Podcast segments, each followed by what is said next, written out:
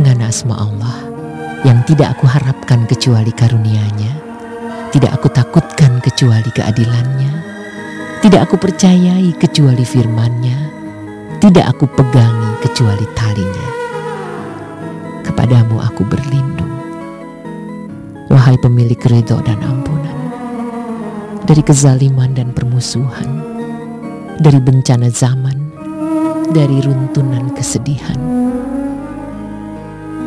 dari rangkaian kemalangan, dan dari habisnya jangka sebelum siap sedia. Kepadamu aku mohon bimbingan pada apa yang baik dan mendatangkan kebaikan. Kepadamu aku mohon pertolongan untuk mencapai keberuntungan dan mendatangkan keberuntungan. Kepadamu aku mendambakan limpahan keselamatan dan kesempurnaannya, cakupan kesejahteraan dan kekekalannya. Aku berlindung padamu ya Rob dari bisikan setan.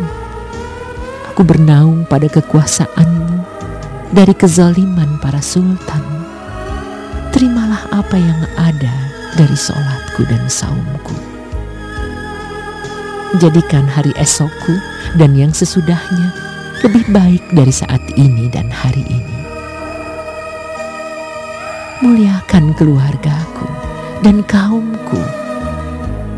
Jaga waktu jaga dan tidurku. Engkaulah Allah penjaga terbaik.